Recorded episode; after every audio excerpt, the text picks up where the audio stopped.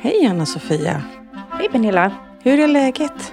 Eh, Det är helt okej. Inte kanske under kontroll, men vi är ju här igen. Vi är här igen, lite halvförkylda och hjärnan kanske inte är på plats helt. Men eh, så får det vara. Vi vill bara säga välkommen till Dolda motiv i rampljuset. Och vi fick leta fram vilket avsnitt det var vi skulle köra idag. Så det är avsnitt 30. Så jag tycker det är helt eh, fantastiskt att vi ändå har gjort så många avsnitt. Mm. Vad ska vi prata om idag? I, idag ska Mm. vi försöka hålla någon röd tråd kring Mm. det här med eh, att leva med skyddade personuppgifter. Precis. Att höras men inte synas. Mm. Så jag säger då välkommen till Dolda motiv i rampljuset.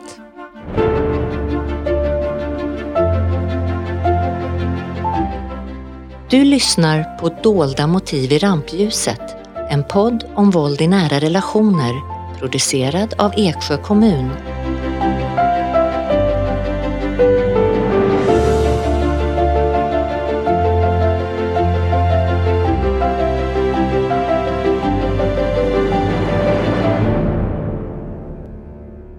Men du Anna-Sofia, det vi kommer att beröra idag, eh, det finns en rapport om eh, gömda kvinnor och deras barn. Mm, mm. Och detta har framställts då av Jämställdhetsmyndigheten. Så att jag tänker att vi ska ta lite citat från den och så. Vi ska för att alltså det, utgå från den här rapporten. Ja, vi ska utgå ja, från fakta. Ja, det är ren fakta. Mm. Och sen kan vi ju diskutera kring detta. Men man kan ju säga då att i Sverige lever cirka 14 000 kvinnor och 10 000 män med skyddad folkbokföring eller sekretessmarkering. Mm. Så jag tänker att det vi vill lyfta idag, Mm. alltså det är ju hur livssituationen, alltså hur den försvåras när man har blivit beviljade skyddade personuppgifter.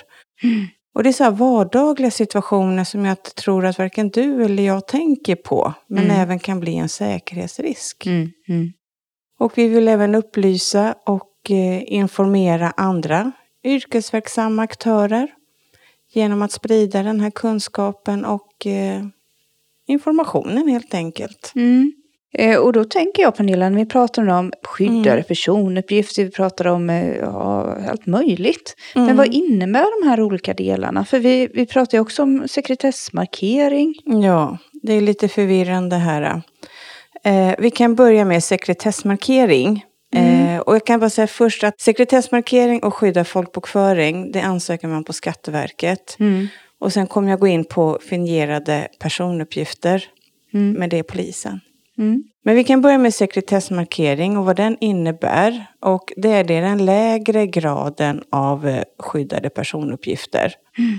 Och som jag sa tidigare då, att ansökan gör hos Skatteverket. Eh, och det här är en åtgärd som gör det svårt att ta del av personens personuppgifter. Du kan inte se adress eller telefonnummer eller var de bor någonstans. Nej, nej. Och sen har vi det här med skyddad folkbokföring. Mm. Tid, ja, tidigare hette det kvarskrivning. Ja. Mm.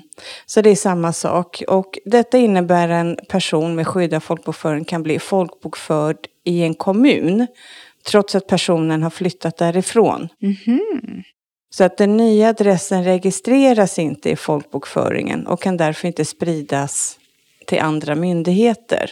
Mm. Så den här ansökan gör också hos eh, Skatteverket. Och det här, för att få sekretessmarkering eller skyddad folkbokföring är att du, ja, man ska väl påvisa att man blir uppsökt hela tiden.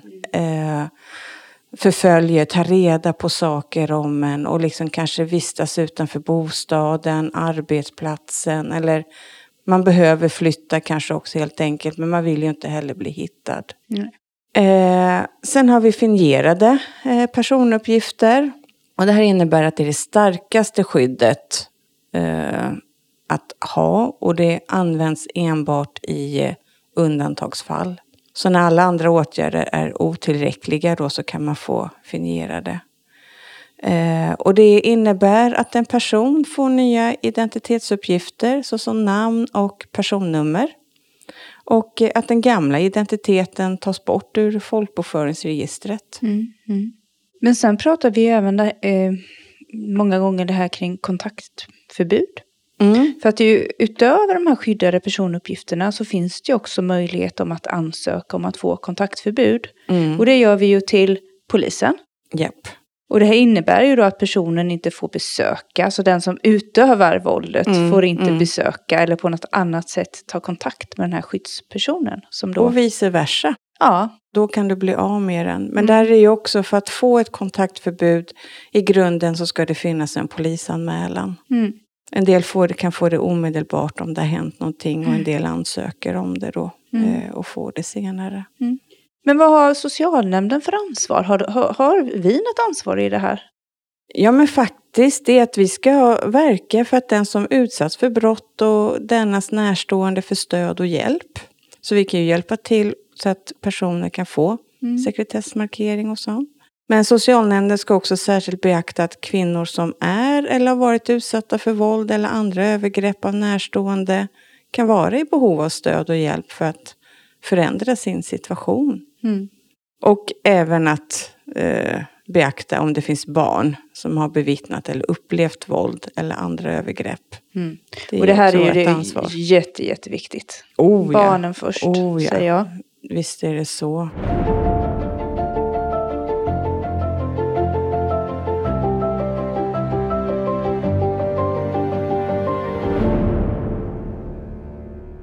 Men konsekvenser då av att leva med skyddade personuppgifter? Eller är det helt, eh, helt safe? Är det, eh, ja, får jag skyddade personuppgifter så är inga problem Mm. kvar? Nej, alltså jag är ledsen att behöva säga det men visst, du är skyddad från våldet. Eh, du har chans att eh, starta ett nytt liv. Mm. Men det blir lite problematiskt och det är också något jag brukar upplysa de kvinnor som jag brukar hjälpa med eh, ett yttrande som vi gör då till Skatteverket. Mm.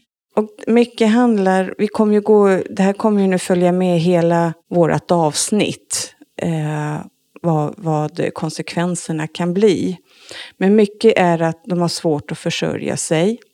Och detta på grund av att de i samband med beviljande av skyddade personuppgifter behövt fly, har varit tvungna att säga upp sitt arbete eh, samt att det är svårt att, att få ett nytt jobb. Eh, för det kan vara så att arbetsgivaren, alltså de, i och med att de inte har någon kunskap kring detta så blir de misstänksamma. Då kvinnan kanske har bytt arbete vid flera tillfällen och att de är rädda för att hotet ska riktas mot arbetsplatsen. Mm. Så därför får de eh, bli lite svårare. Eh, en del kvinnor har ju stora skador också. Mm. Fysiska skador men även psykiska. Och kan inte arbeta heller då på grund eh, av detta som har orsakats av våldsutövaren. Mm. Men av dessa så är det också flertalet som nekas sjukpenning. För de anser inte att våld i nära relation att det är en sjukdom eller Mm. att de har behövt fly till eh, kanske ett skyddat boende. Mm. Eh, och en annan sak som har kommit upp i den här, vi, läste den här eh, studien, det var ju det här med, alltså det finns ju risker med att bli röjd. Det är ju inte så att det är helt vattentätt. Nej, det är det ju inte. Och eh, att bli röjd och bli flyttad gång på gång. Det är, men det är att det, det ibland räcker det bara med ett litet misstag. Eh, och det kan bli få förödande konsekvenser för den som är under skydd. Mm. Och det kan också handla om att många uppdaterar sina uppgifter mot Skatteverket alldeles för sällan. Mm. Mm. Och då bli- blir det att det blir fel uppgifter in till exempel i Mm. skolan eller Mm. inom, Mm. även Mm. social, socialtjänsten med, eller? Vi kan, kan vi påverkas av det om vi inte uppdaterar tillräckligt ofta? Jag vet inte, i våra system kommer det upp om en person har en sekretessmarkering. Eh, så jag hoppas ju att vi är safe med att, att det är så. Är det skyddat så ser vi det. Mm. Och eh, då har ju vi rutiner för hur vi behandlar Mm. alltså, personer med skyddade personuppgifter. Alltså det... För konsekvenserna kan bli annars att det skickas post Mm, mm. till helt fel adress. Mm, Eller mm. som gör att, att man blir röjd. Ja, så kan det vara. Vi har ju Mm. liksom med eh, posthanteringen, för det går ju Mm. allt via Skatteverket. Mm. Och det här är ju också en grej som att de hamnar i, eh, i ekonomisk knipa, det är att de får sina räkningar och sånt där äh, alldeles för sent. Så blir det påminnelser och, Mm. och sådär och försvinner det där efter vägen. Så det är ju många myndigheter som måste ha rutiner, tänker jag, för att eh, hjälpas åt att inte någon blir röjd. Mm. Men vi har ju även med hälso och sjukvård och sånt också. Mm. Mm. Men, men jag tänker vi, vi backar tillbaka innan vi grottar ner oss ännu Mm. mer i det här med Mm. konsekvenser av det. Mm. Så är det ju lite här bara, men hur går egentligen en ansökan till för att få skyddade personuppgifter? Kan vi berätta någonting om det? Vi pratar om att det, här, det är en ansökan som görs till Skatteverket. Mm. Eh, och vad jag förstår att redan när man skickar in en ansökan så görs det preliminärt en liten prick i, protokoll, Mm. i, Ja. i protokollet om att Precis. en utredning är på gång. För Ja. att då börjar man redan där skydda. Mm. Mm. Tolkar jag det som? Ja, och eh, jo, den, den, den sätts ju i direkt Mm. eh, under en utredning. Mm. Eh, så Skatteverket gör ju en bedömning av hotbilden och vilken effekt de skyddade personuppgifterna skulle få. Mm. Och den här hotbilden, som jag sa tidigare, vad vi socialtjänsten kan göra, eh, men även polisen kan ge intyg Mm.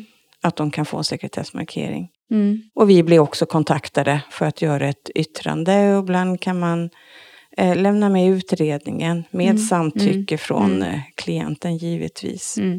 Mm. Men också att de kan gå in och kolla tidigare domar, om det har Mm, funnits kontaktförbud tidigare eller om det Mm, finns ett mm. kontaktförbud. Ja, och det är ju det de, sån information som de inhämtar då Mm. från eh, oss olika myndigheter. Mm. Sen vad jag förstår så tittar även Skatteverket på det här med familjesituationen. Mm, Eh, mm, Man utreder, alltså, tar med också det här med arbetssituation. mm, Aktivitet på sociala medier. mm. Där är det många som blir röjda. Mm. Eh, så du kan inte vara aktiv där, utan då får man kanske vänta lite och sen skaffa en helt ny Mm. alias så att säga. Mm. Men även flytt också, att Mm. man måste ju ha flyttat. Du kan inte bo kvar på din hemadress för att få sekretessmarkering, för då vet ju redan våldsutövaren Mm. var du befinner dig. Utan eh, ibland är det att du måste ha en viss radie för att flytta iväg för att få Mm. detta. Men också att man kan i samband med att man får eh, en ny adress. Mm, mm, Så innan man skriver sig det eller allt är färdigt så skickar Mm, man även den mm. här ansökan om skyddade personuppgifter. mm, mm. Att man gör det på samtidigt så att det inte blir något glapp. Nej, precis. Det får det ju inte bli. För då kan det bli att det nekas. Och som säger, man ska kunna styrka att man är förföljd, Mm. så att säga. Och det är väl lite så att även om jag ansöker om skyddade personuppgifter Mm. eller en skyddad folkbokföring så betyder ju det att då alla som bor med mig i det här Mm, hushållet mm, måste ju också mm. få skyddade. Ja, ja. För annars är det ju väldigt lätt att hitta dig ändå. Om barnen går i skolan och de inte har något. Mm. Eh, så det är bara att ta reda på vart barnen befinner sig. Så oftast där finns ju kvinnan. Mm. Men där tänker jag att det här också blir svårigheterna. Hur Mm. upprätthåller man det här Mm. skyddet ändå när det finns barn som går i skolan och som kanske man har eh, de har ett umgänge med Mm, mm, den andra föräldern som är den Mm. som är våldsutövare som har gjort att mm, man har skyddade mm, personuppgifter. Det här är jättesvårt. Det är jättekomplext. Mm. Och det, som säger, det blir så stor press på barnet också att inte röja sig. Mm. Att var eh, mm. föräldrarna bor. Ja, för det, det kan ju handla om att vi pratar inte om vilket hus det är, hur, hur huset ser ut och vilken gata. Det kan ju handla om att man tar reda på kanske skola, ja, vad, hur, hur, ser, hur ser lekparken Ja, ut, hur, eh, vilken affär eh, man handlar Mm, i eller Mm, ja, mm. den som verkligen vill ha reda på någonting kan Mm, ställa sådana här mm. frågor som man kanske inte kopplar till. Nej, motivet.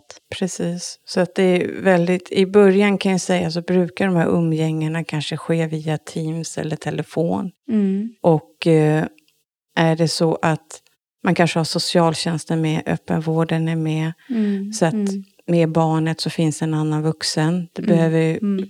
inte vara ena föräldern, för det kanske blir väldigt svårt Mm. för föräldern att heller inte påverka barnet, för ibland vill ju barnet ha kontakt med sin förälder. Mm.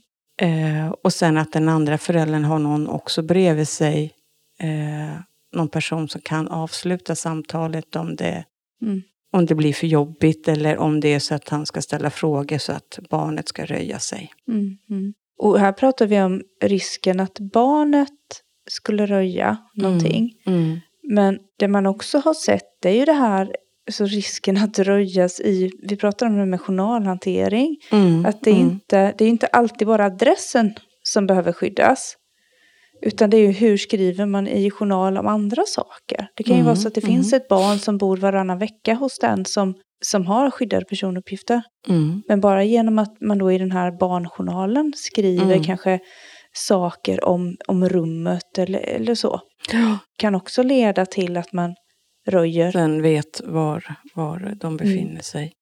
Men jag tänker att du var inne på det tidigare också, eller här just att man ska vara försiktig med sociala medier. Mm, Eh, så att det är mycket som en skyddsperson måste tänka på. mm, Eh, och det är ju det att man inte figurerar då med sitt namn eh, på internet eller i olika sammanhang då. mm, För jag tänker att just vid våld i nära relationer så är det extra svårt att skydda sig eftersom den som utger hotet vet ju mycket om den utsatta. Jag tänker intressen, rutiner, mm, mm, arbetslivserfarenhet, familj, vänner, tidigare arbeten, kanske några medicinska problem.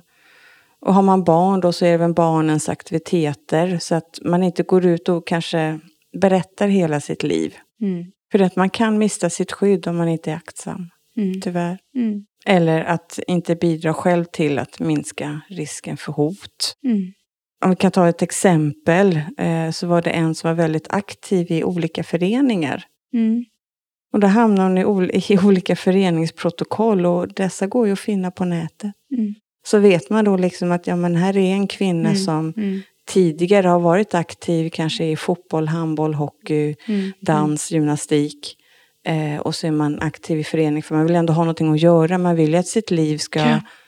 ska fortsätta som det kanske var innan. Eh, Mm. förutom våldet då. mm, Eh, så det är ju sådana saker också. Då, många använder figurerade namn. Man brukar kanske inte byta namn hos Skatteverket, men många gör ju det. Men även hit, hitta på ett eget namn. Man kan ha ett socialt namn. Ja, precis.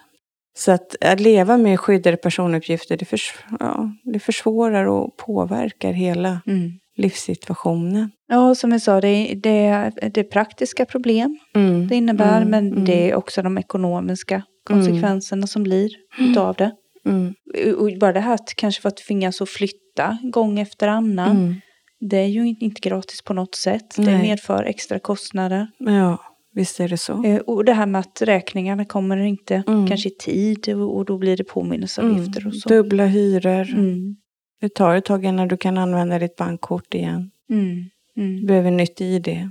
Alltså, det är mycket som en våldsutsatt får Mm. eh, förändra. Ja, och att det här med, med anställningar, du kanske inte kan ha eh, en fast anställning för, för du vet inte när det är dags att Nej. fly igen. Och tänk då leva under de här ständiga hoten, vad det också ger med kroppen. Ja. Alltså sömnsvårigheter, Ja. depressioner. Ja. Självmordstankar är också väldigt vanliga. Mm. Eh, PTSD. Jag tänker också att det Mm. är mycket eh, psykisk ohälsa som följer med. Jag tänker också kvinnor med barn. Alltså, man tar ju, alltså oron för barnet tar ju mycket tid. Mm. Mm. Eh, och som vi pratade om det här med umgängesrätten, den skapar ju jättemycket rädsla. Ja, och på något sätt så finns ju alltid det här hotet om våld Mm, finns ju där mm, hela, hela, hela, tiden. tiden.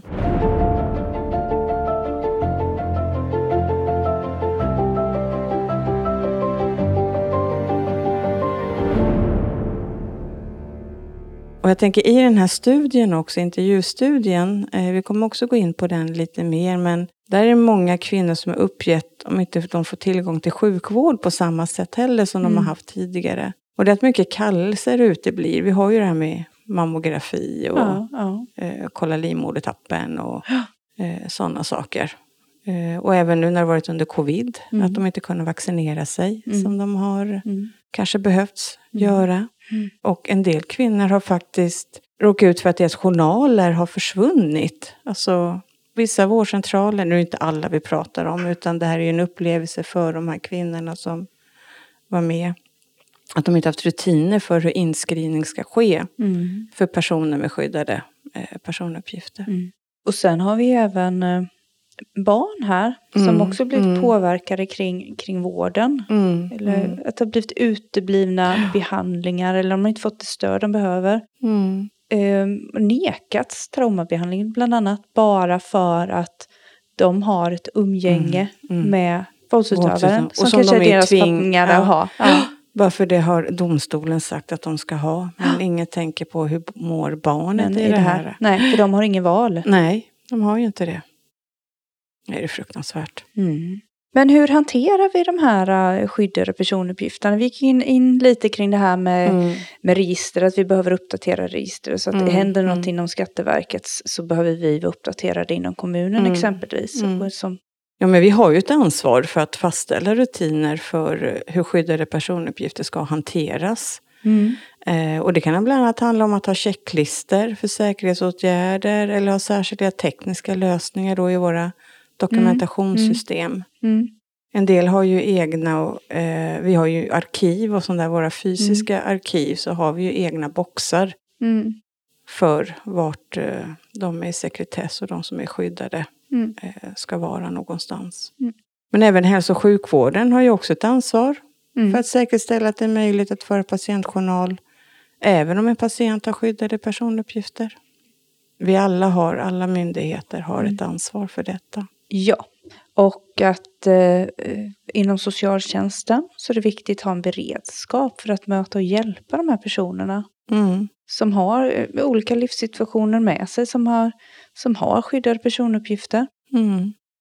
Eh, En person eller en familj som lever med skyddade personuppgifter kan bland annat ha behov av hjälp med boendefrågor. Mm. Den är stor, Mm. är den, bostadsfrågan. Ja, och även det här med, med försörjningen, den ekonomiska försörjningen Mm. inledningsvis. Mm. För det är många hyresvärdar som, de har ju inte så mycket kunskap kring detta. Utan, och så tar de inte in kanske någon som lever på försörjningsstöd. Nej. Och så är det sekretessmarkering på detta. Mm. Mm. Så att de har ju väldigt eh, svårt att få en bostad. Mm. Men också att, vi, att man kan ju ansöka om bistånd då för det här med andra säkerhetsåtgärder eller Mm. att man får ökade kostnader Mm. i samband mm. med, Mm. med våldet. Oh ja, du kanske behöver byta lås även om du sen bor kvar hemma. Du kanske inte har skyddade personuppgifter men Mm. det kan ändå vara att du kanske vill ha sådana titthål, låsbyte eh, och sådana saker. Mm, Och eh, mm. det är ju vår skyldighet att Mm. se till så att hon känner sig trygg. Mm. Men också det här man tittar rent på, på andra delar av, av hjälp så kan det Mm. handla om behov av stödsamtal eller Mm, information som vi kan ge Ja. inom kommunen. Eh, kan handla om praktisk vägledning och förmedling av kontakt till andra myndigheter. För Mm, allting mm. kanske man inte gör inom Nej. socialtjänsten utan det finns mycket andra bra vägar att Ja, gå. ja, Otroligt absolut. fint kontaktnät, Mm, mm. både mm. vad det gäller ideella organisationer och så.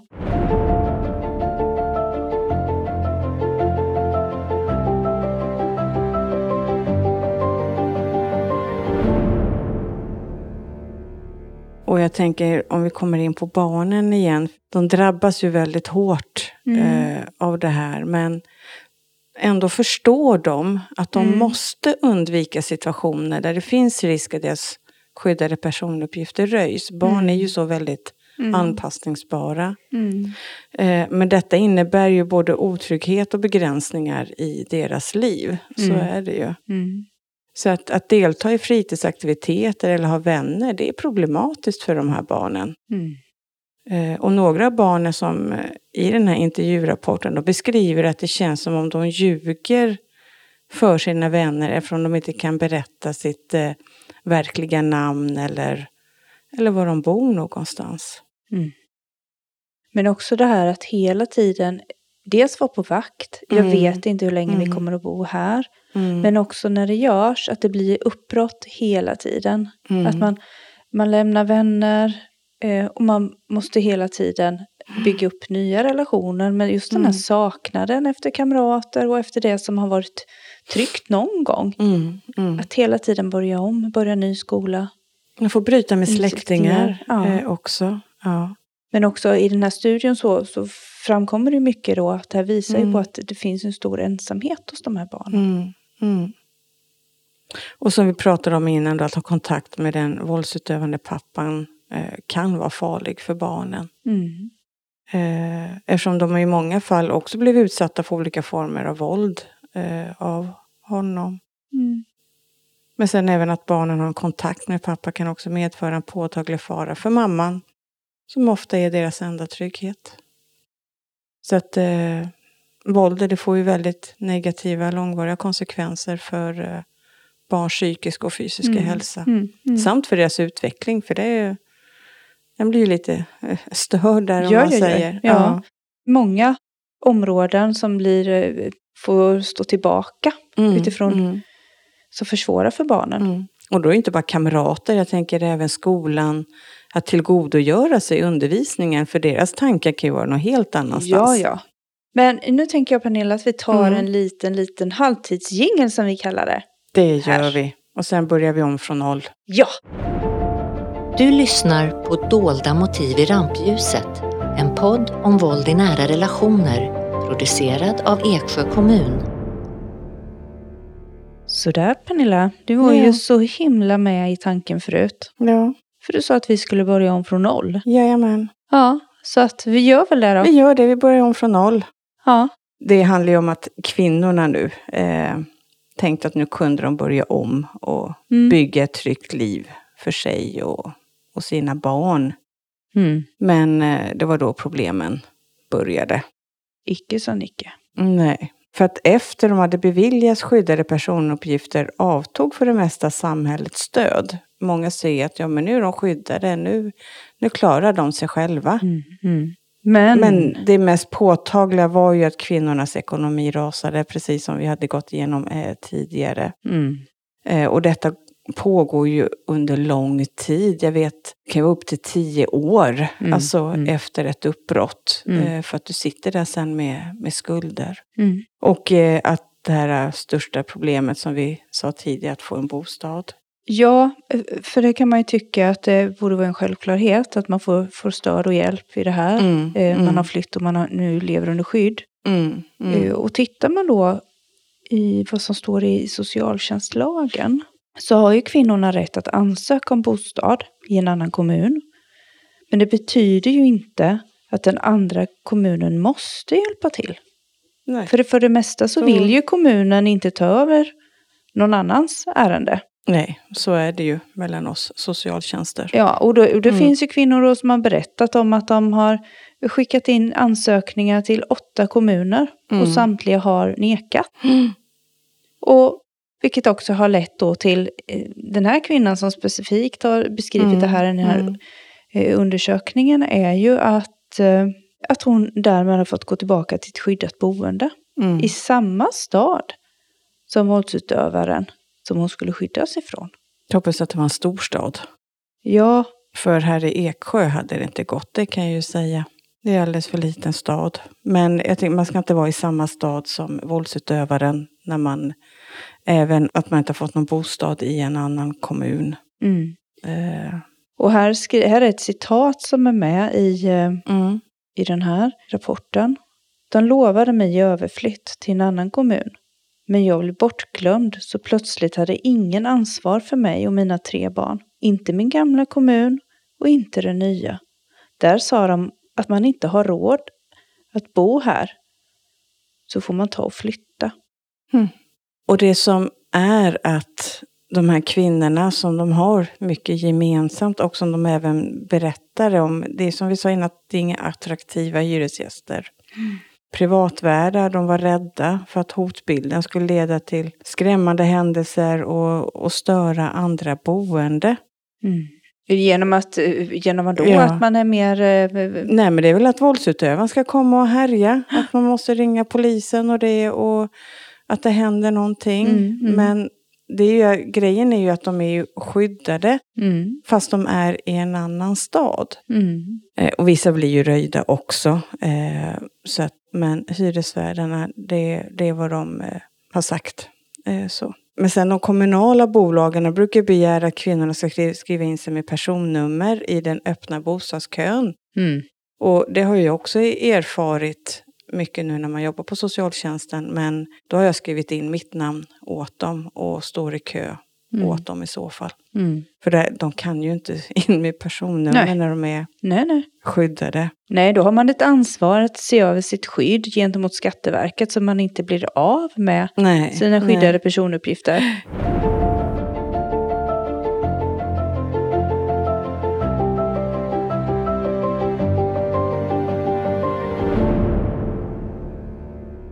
Sen är det att många av de här kvinnorna har tvingats flytta med sina barn mellan lägenhetshotell och andrahandsbostäder. För att i vissa städer är det ju svårt att, att mm. få en bostad mm. om det är så att man vill bo Stockholm, Göteborg eller Malmö. Det kan vara att man känner sig tryggare där på något, för att det är mm. mer människor. Mm. Eh, någon bodde i husvagn. Eh, mm.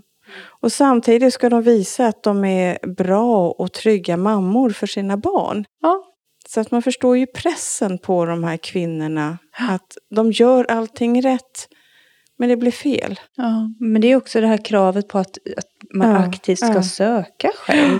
Och, och då aktivt söka, då ska man ju vara väldigt aktiv på, på mm, olika mm, medier mm. för att kunna komma åt en bostad. Mm. Och då, då tappar man ju också det här skyddet om, om sig själv och om barnen. Mm. Och, och jag tänker också det här då att eh, att inte bli trodd. Mm. För nästan varannan kvinna beskriver att hon i något skede inte blivit trodd av myndigheterna. Mm. Och det är det här, jag vet inte om de själva kanske upplever det, men att de misstänks för att överdriva och hitta på. Mm. Och kvinnor själva finner ju detta mycket märkligt. Och det är ju ändå mm. flera som mm. känner så.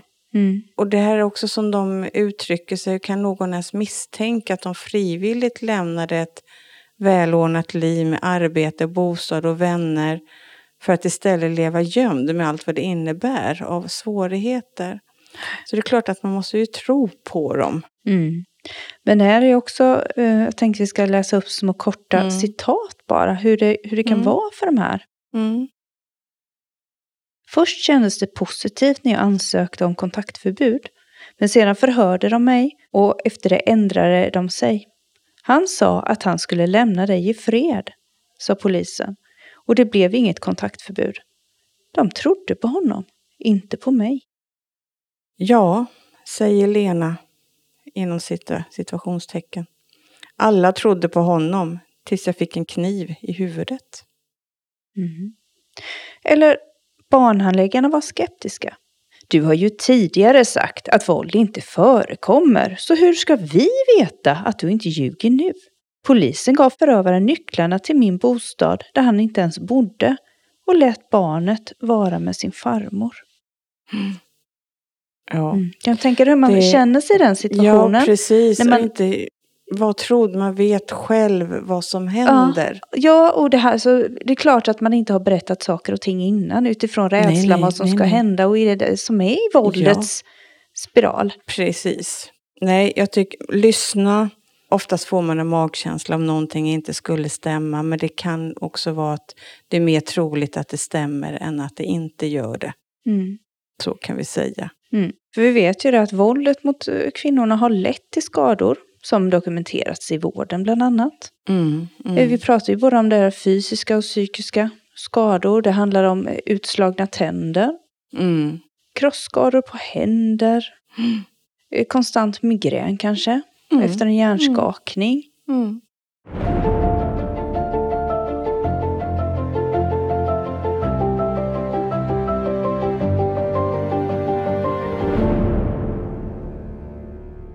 När du ändå är inne på vad kvinnors liv, hur det begränsas. Mm. Eh, så, och, men jag kan även säga att kvinnor också även utnyttjas. Mm. Två av de här kvinnorna i rapporten utnyttjades i prostitution. Mm. Mm. Och då var det att det var en pojkvän som utnyttjade henne eh, mm. för att finansiera sitt missbruk. Eh, och även andra former eh, av våld. Mm. Och här är en annan flicka, hon såldes av sin familj i ett annat europeiskt land och senare även av en pojkvän i Sverige. Mm. Alltså vi ser ju hur, eh, hur vad, våldet och vilket liv som de här kvinnorna liksom får, uh, får utstå ifrån. Mm. Och framförallt det här som, som har beskrivits, att man måste överbevisa. Mm, mm. Eh, Man blir kanske känslan av att inte bli, bli trodd. Mm, mm. Men jag, jag, tänker här, jag, jag håller på att kika lite i den här rapporten nu. Mm. Så jag kanske hoppar lite här nu med eh, just det här med tillgången till vården. Mm. Eh, och här kvinnorna kan ju ha sådana fysiska skador. Mm. Mm. Det kan vara utslagna tänder och jag tror du sa det här innan också, hörselnedsättning. Mm. Eh, trasiga leder, ryggar, knän, höfter. Mm. Eh, och jag tänkte jag skulle ta några citat här också, just för att de här kvinnorna finns faktiskt. Det är inget påhittat. Eh, jag har en käke som inte går att operera tillbaka och är blind på ett öga. Han körde in en skruvmejsel där. Jag har även migrän och underlivsskador och många ärr på magen från knivhugg. Mm. Och det är en tjej som är 29 år, har redan fått upplevt detta. Mm. Sen har vi en, um, en annan som är 29. Jag vet inte.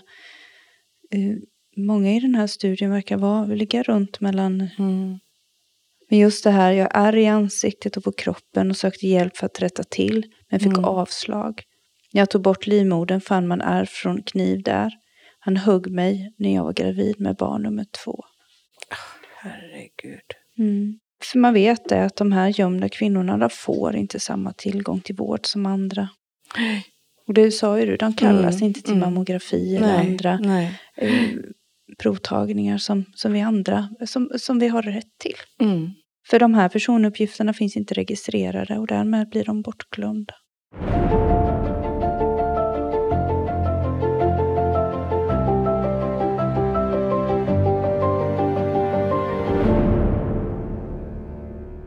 Men jag tänker vårt arbete här då, Anna-Sofia, det är ju eh, jätteviktigt.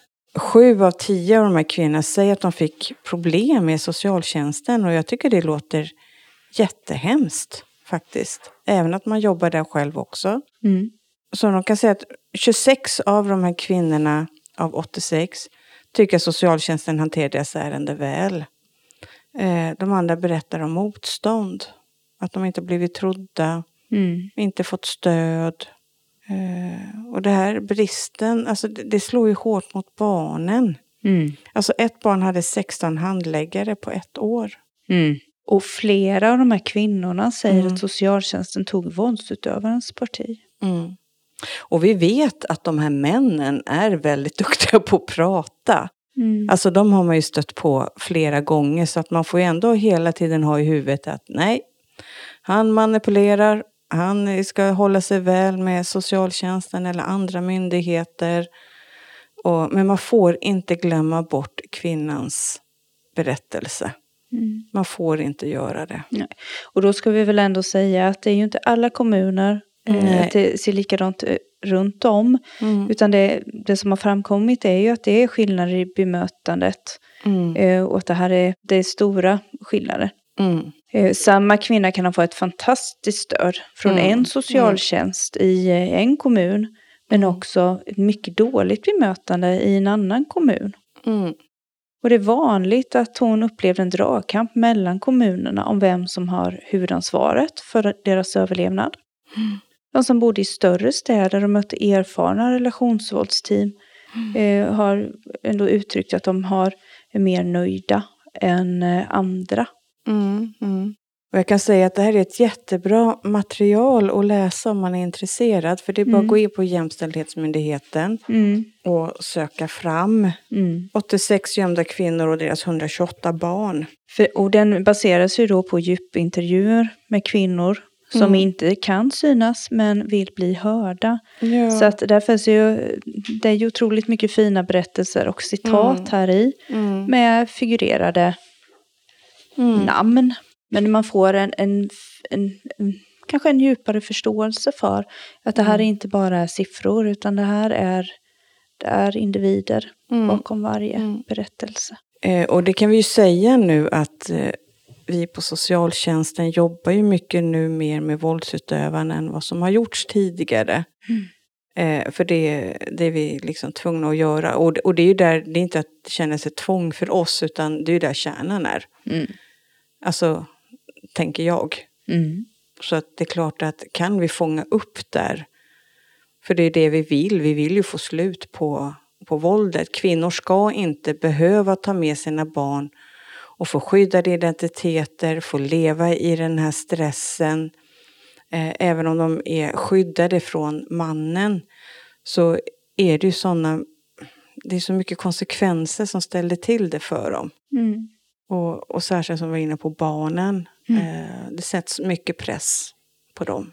Mycket är ju att, och jag tror att många myndigheter ändå har fått upp ögonen för det här att arbeta vidare just med våldsutövarna. Ja, och inte minst där det förebyggande arbetet. För nu Mm. pratar vi också om att vi behöver faktiskt möta upp Mm. innan det sker. Innan det Exakt. blir våld i nära relation. Mm. Eh, då kan man agera på att någon är kanske är utagerande, kanske verbalt blir, Mm. tappar lite Mm. när man blir Mm. irriterad över någonting. I en helt annan situation. Men, men där kan man ju också gå in och stötta och hjälpa till och hantera Mm. Mm. och erbjuda.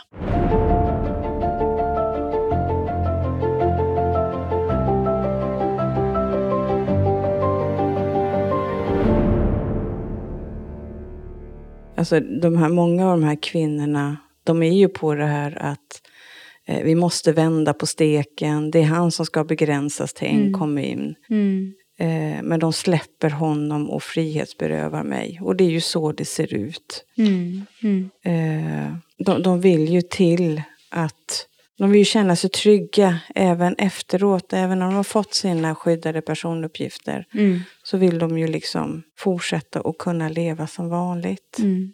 Eh, och ett förslag som har kommit in, också utifrån den här eh, rapporten som har gjorts, det är ju Mm. att kvinnorna ska få, få ha en kontaktperson i kommunerna Mm, över hela mm. Sverige. Och att den här personen ska vara lättillgänglig och kunna samordna kontakter med andra myndigheter. Det är ju något som verkligen, och det, det märker man på de kvinnor som kommer hit och särskilt de som eh, är språksvaga. Mm. Eh, de blir släppta, men, men vad är det för hjälp? De kan ju inte, de kan ju som inte tala om riktigt vilken hjälp det är de vill ha, utan de sätter sig i en kommun och sen så, ja. Mm. Mm. Och det kanske inte är något socialtjänsten egentligen kan hjälpa till med, utan som du säger, man behöver en kontaktperson som kan vara ihop det. dem behjälpliga och Mm. samverka eller samordna ihop. Och, och samtliga 86 kvinnor Mm. anser att kunskapen och medvetenheten om deras livssituation måste öka inom alla myndigheter. Mm. Och då nämnes, nämns särskilt då domstolarna. Mm. Det är inte rimligt att barn tvingas till umgänge med våldsutövaren.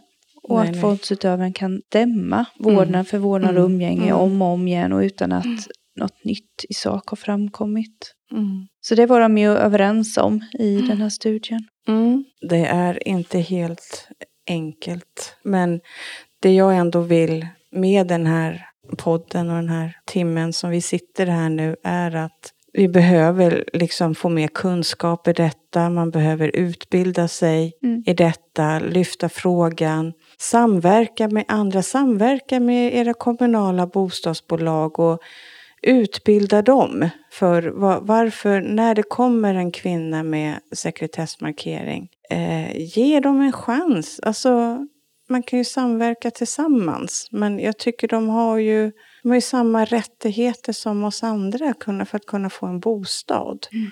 Och även det här eh, att yrkesverksamma med, kan ha en särskild kompetens som skyddade personuppgifter. Att det, det saknas nu hos flera relevanta myndigheter och som möter den här målgruppen. Mm. Eh, och det är ju också något, ett steg för att förebygga och, men även liksom få upp ögonen. Mm. Och sen interna rutiner och riktlinjer, implementera dem Mm. så att vi kan hjälpas åt. Att vi har en styrning i det vi Mm. gör. Mm. Så att vi inte missar någonting. Nej men precis, Mm. precis.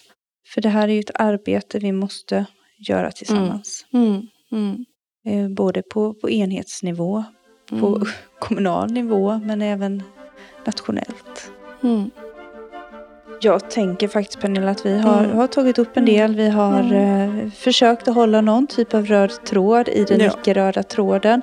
Exakt, den får bli en grön tråd eller en lila tråd. För att det här är nu... Ibland känns det lite som, som garnnystanet. Ja, men det är ju hoptrasslat. Ja, Och då blir det nu att vi ska trassla upp det här och Ja. försöka få ordning på torpet. Eh, Men eh, jag eh, tänker på alla som är där ute som har varit utsatta för våld och eh, jag hoppas verkligen att ni ska kunna få en trygg framtid Mm. trots allt. Mm.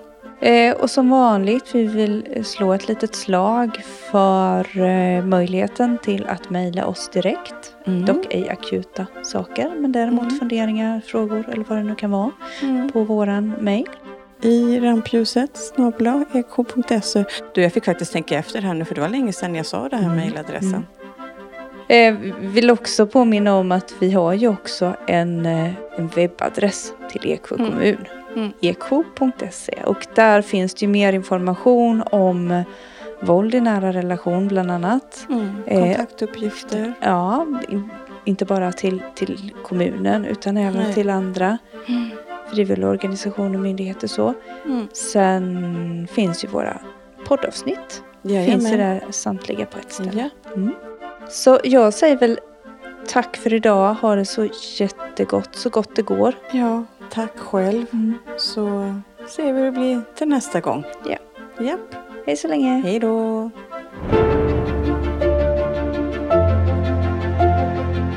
Du har lyssnat på Dolda motiv i rampljuset, en podd om våld i nära relationer, producerad av Eksjö kommun.